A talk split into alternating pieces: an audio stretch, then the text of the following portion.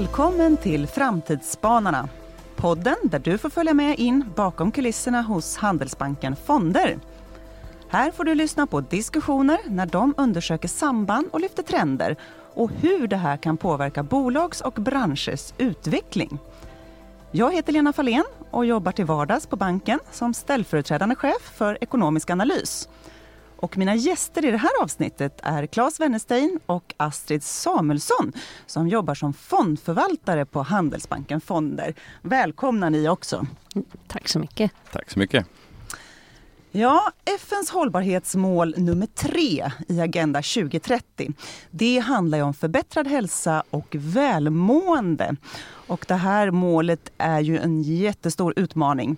Höginkomstländer de brottas med livsstilsrelaterade sjukdomar medan utvecklingsländerna kämpar med smittsamma sjukdomar och en hög barna och mödradödlighet. Och mycket av det här det styrs ju naturligtvis genom politiska beslut. Men det finns spännande bolag som försöker göra rätt. Och I det här avsnittet så ska vi prata om global hälsa och om hur man kan investera för att göra människor friskare. Och om vi börjar utmaningarna då när det kommer till global hälsa, då är de ju väldigt stora. Behovet av åtgärder skiljer sig också ganska mycket åt. Och om vi börjar med att fråga er, vilka skillnader ser vi idag mellan rika och fattiga länder? Ja, men rika länder, här är ju nästan den största utmaningen att vi inte lever särskilt hälsosamt. Vi har ju mycket pengar att göra om med på sätt som inte är så bra för vår hälsa. Eh, men sen i andra ändan så har vi också så att vi lever längre ehm, och åldrande befolkning är faktiskt den andra stora utmaningen och alla de sjukdomar som kommer utav det. Till exempel cancer är en av de områdena som är en stor utmaning för oss. Just det. Eh, och sen när man kommer då till de fattigare länderna, eh, som du var inne på, så är ju infektionssjukdomar en stor utmaning eh, och eh, barna och mödradödlighet. Men det är ju faktiskt så att de också eh, försämrar sin livsstil, eller de följer oss i spåren och rör sig kanske inte lika mycket, äter lite sämre och drar på sig diabetes och andra sådana sjukdomar. Så att de kommer vår väg också, så att det blir en utmaning framöver. Så globalisering även av dålig eller ohälsosam livsstil. Precis. Eh, men när vi pratar om de här stora utmaningarna, eh, vilka är egentligen de största för de fattigaste länderna, Claes? Ja, utmaningarna är många och eh, ganska omfattande och svårt att prioritera vad som är viktigast i de fattigaste länderna. Men det finns många välgörenhetsorganisationer som har gjort prioriteringar och en av de största, absolut största på området och privat är ju Bill och Melinda Gates Foundation och de har ju skapat en prioriteringsordning dit de allokerar sina bidrag. Och där är ju då återigen mödra och barnadödlighet högst upp på agendan. Eh, men även tropiska sjukdomar som ofta saknas läkemedel eller vaccin. Sen har vi lunginflammation, och HIV, och malaria och, och polio som nästan är utrotat. Mm. Och det här med läkemedel, vaccin, vård och information Eh, det är ju vad som huvudsakligen bidrar till förbättrad hälsa. Men mycket är kopplat till politiska beslut. Eh, men när det gäller vaccin, då finns det lite stora förhoppningar. Eller finns stora förhoppningar. Berätta! Ja, vaccin är ju väldigt kostnadseffektivt när det gäller att förhindra sjukdom. Eh, och det är ju bra när vi ska titta på länder som inte har det så bra ekonomiskt. Eh, man vet att vi kan, man eh, kan rädda flera miljoner liv genom att använda vaccin och framförallt vaccinera barn är det det handlar om. Men trots det så är det ju också många som inte får vaccin. Det når inte ut i alla små landsbygd och landsändar som, som finns där borta. Så det är fortfarande en utmaning. Eh, men här, är, om vi tittar på så att säga, bolag som vi kan investera i så finns det ju de, de stora vaccinbolagen i världen, de som tillhandahåller våra barnvaccin. Vilka är det då? Eh, det är till exempel Glaxo, GlaxoSmithKline, eh, även Sanofi och Merck. Men det kanske där är Glaxo som sticker ut att vara liksom den stora leverantören av vaccin eh, till många andra länder. Eh, och det gör de till ganska låga priser så att eh, det underlättar också för alla de här länderna. Så att på så vis kan vaccin hjälpa. Och sen har vi också eh, tillfällen när vaccin kan göra nytta. Vi har ett ebola-utbrott ganska nyligen mm. som det har skrivits om um, i Kongo, Kinshasa. Uh, och där ska man nu första gången testa ett ebola-vaccin Eh, Eh, det här med som investerare så är det ju liksom viktigt att man, man, man tar ansvar med sitt kapital. Eh, om, om ett företag har möjlighet att lösa tillgången på en viss medicin men sen så visar det att det kanske inte är så lönsamt för företaget. Hur ska man tänka här? Ska de hållas ansvariga eller hur, hur ser läget ut? Ja, men jag tror allt mer så tycker jag att de ska vara ansvariga för att fler människor i världen ska få tillgång till läkemedel än bara vi som har råd. Mm. Och, och, många av dem jobbar mer och mer på det sättet att försöka sprida läkemedel även till de som inte har råd. Uh, och det finns till och med också organisationer som mäter det här. Mm. Och uh, det kallas för Access to Medicine Index och uh, då rankar de bolagen och ser vem som är bäst. Och, och, vi har ju redan varit inne på Glaxo och det är väl det är den som har varit i topp flera år i rad, både med vacciner och hiv-läkemedel. Ehm, även eh, om vi tittar närmare oss så har vi AstraZeneca kommer ganska högst upp och även Novo Nordisk i Danmark med sina diabetesläkemedel också. Vad spännande.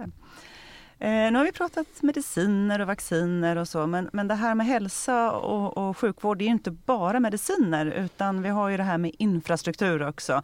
Eh, till exempel sjukhus. Och det här vet jag Claes, du har lite tankar kring. Ja, precis det sjukhus eller bristen på sjukhusplatser är eh, en orsak till varför det ser ut som det gör i världen. Då. Och även också avståndet till de här sjukhus eller servicecentret eller liknande för att få någon form av vård. Ehm, och tittar man till exempel i eh, Mali i Sub-Sahara, Afrika, så finns det då en sjukhusplats på ungefär 10 000 personer. Eh, och jämför det med Japan där det finns närmare 140 platser per 10 000 personer så är det en stor skillnad. Då.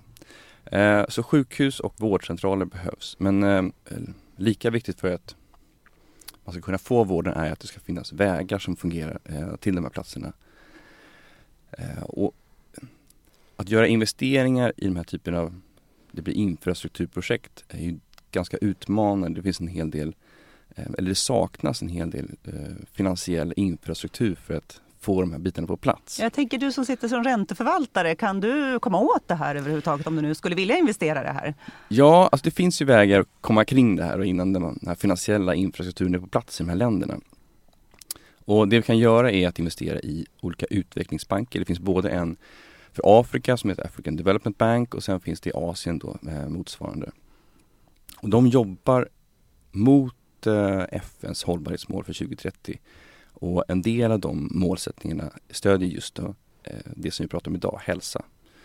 Och om man tittar på exempel African Development Bank där vi har investeringar eh, så granskar de och väljer ut projekt som jobbar mot målsättningarna. Eh, och en stor del av de här projekten då avser just de här infrastrukturdelarna som sjukhus och vägar. Eh, de här projekten finansieras sen via obligationsmarknaden eh, med begränsade politiska och kredit kreditrisker så att, så att det gör det liksom gångbart för oss att investera i det här.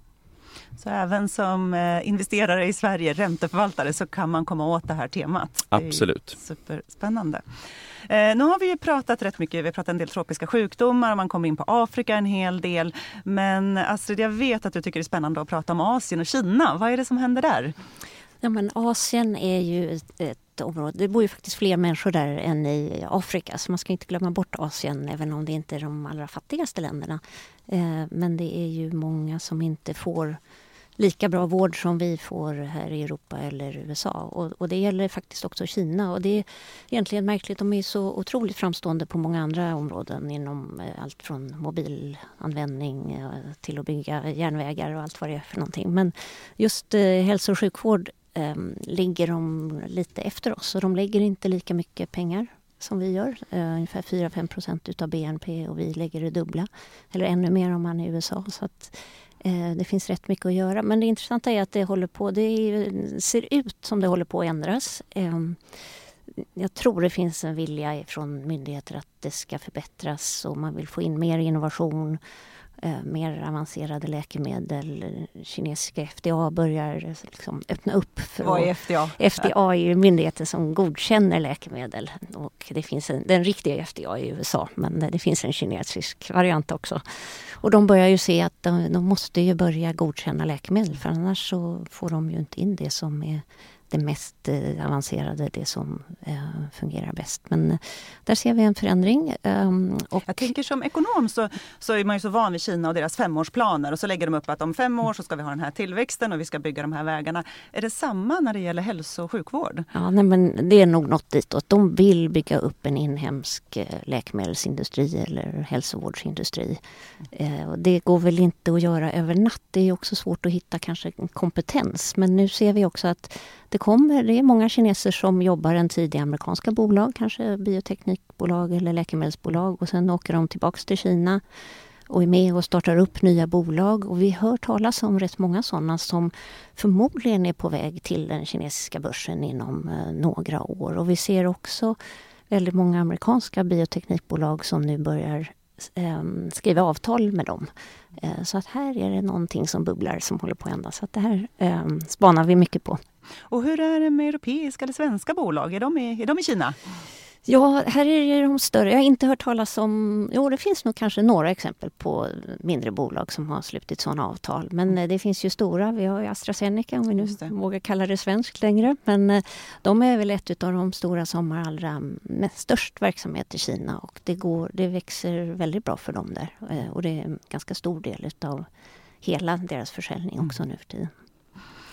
Och om vi då, nu har vi pratat ganska mycket kring tillväxtmarknader och om vi då går till västvärlden så är det just det här med, med livsstil, så, så, som livsstilsrelaterade sjukdomar som dominerar. Fetma, diabetes och annat. Och, och hur, hur kan man göra nytta här? Vilka områden, vilka områden är intressanta? Ja, diabetes det som sagt ökar ju i alla världens länder så det är inte bara väst utan även fattigare länder. Eh, och där kommer nya läkemedel eh, som är effektiva.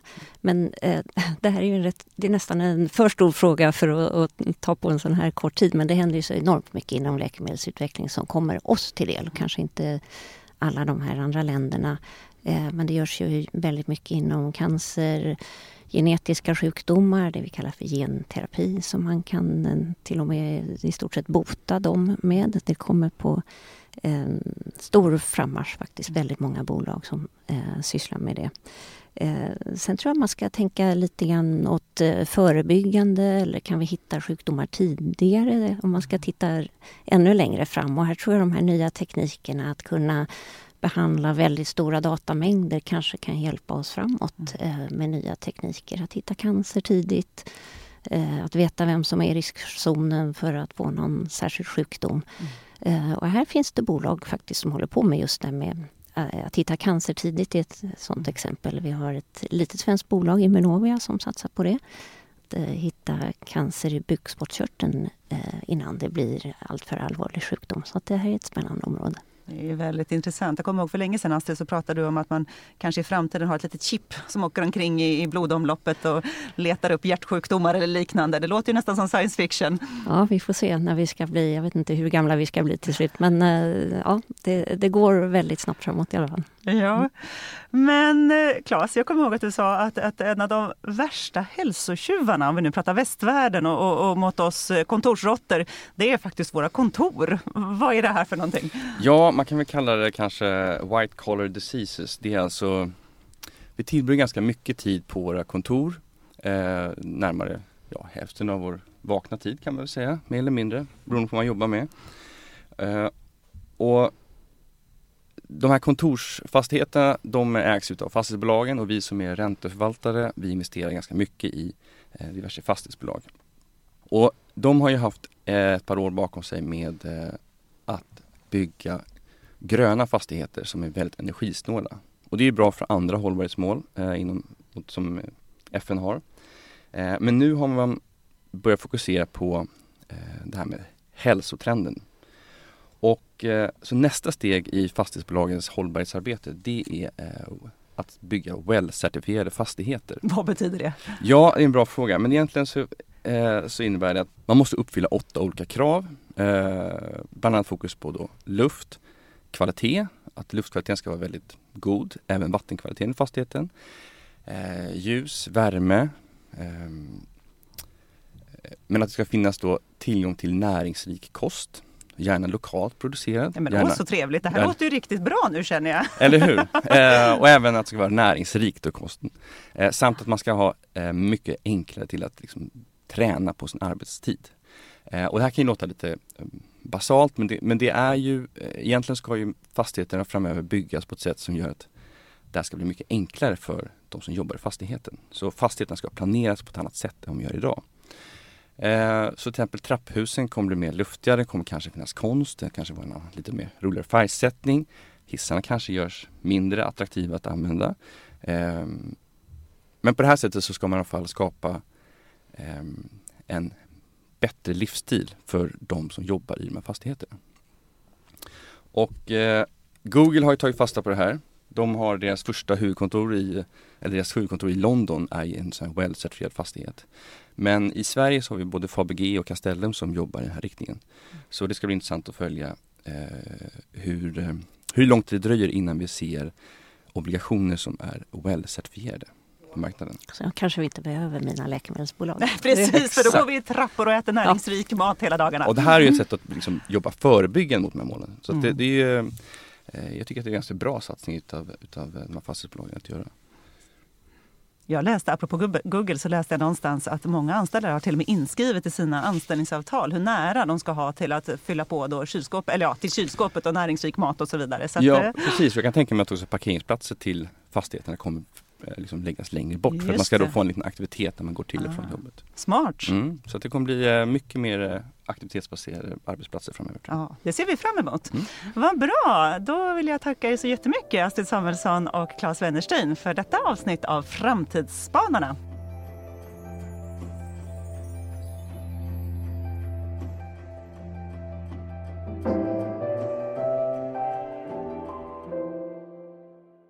Den information och de uppgifter som lämnas i den här poddsändningen är framtaget av Handelsbanken Fonder och syftar till att ge allmän information och utgör inte ett personligt råd eller en personlig rekommendation. Den investerare som önskar rådgivning anpassad till dennes individuella förhållanden rekommenderas att ha kontakt med sitt Handelsbankskontor. Handelsbanken Fonder reserverar sig för eventuella fel i poddsändningen.